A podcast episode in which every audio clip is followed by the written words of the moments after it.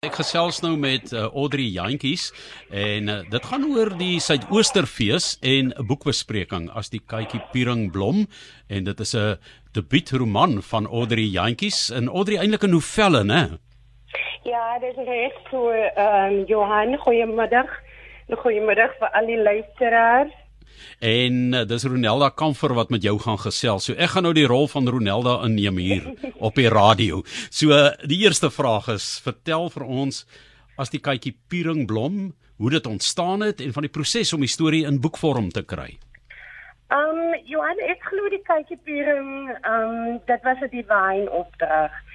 Um ek het dit eers in Engels gedoen. En um, toe het dit destyds iewers in Amerika draai gemaak en 'n queue gaan lê en ek weet nie wat verder daarvan geword het nie. Maar um, ek skat dit wou 'n baie audience bereik.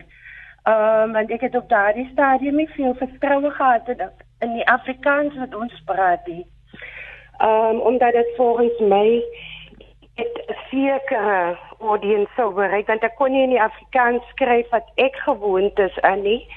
En um, maar toe ek 'n kursus bygewoon met Ingrid Winterbag en hulle het vir my um Ingrid um saam met die ander kursusgangers hulle het vir my was gemaak van um Nathan Trantraal, Chase Reef en ook Ronelda Kamfer en dit is daar wat ek besef het maar ek kan gesels en ek kan praat en skryf in die Afrikaans wat ek ken soos wat ek dit ken in die dialek wat ek ken.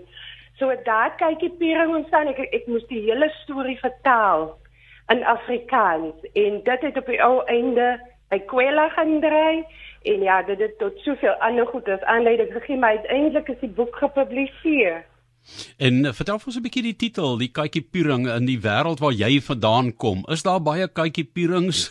Ek het nou die dag toe lees ek daar van die ekoloog Duif Peppler oor die Kykie Piering toe sê hy weet nie hoekom dit laat hom dink aan Kersfees, maar miskien is dit omdat dit in daardie tyd blom en dan kry jy die reuk en hy assosieer dit daarmee. So vertel vir ons van die titel en waarmee jy dit dan assosieer en in verband bring met jou storielyn.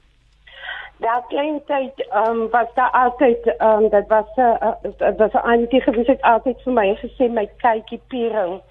Dit is daar waar ek groot geword het.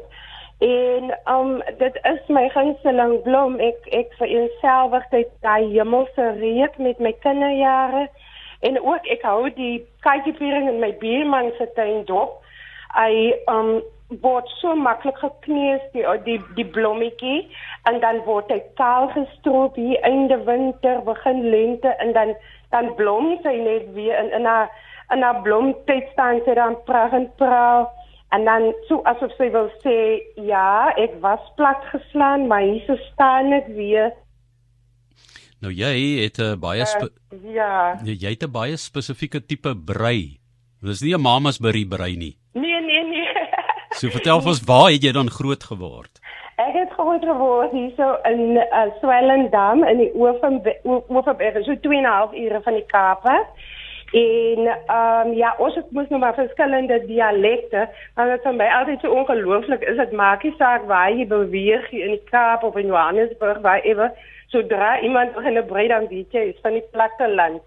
So ja, dit is nou maar deel van ehm uh, van ons dialekties so. Ja, dis jou debuutroman, so het dit jou geïnspireer om al aan 'n paar ander dinge ook te dink? O ja, verseker. Ek weet nie hoeveel ander skrywers hier oor, maar vir my is dit elke storie neem sy eie loop. Jy begin om iets te skryf en dan ja, baie beslis. Daar is daar is iets in die pipeline. Hmm, dit klink vir my na 'n groot geheim in hierdie stadium.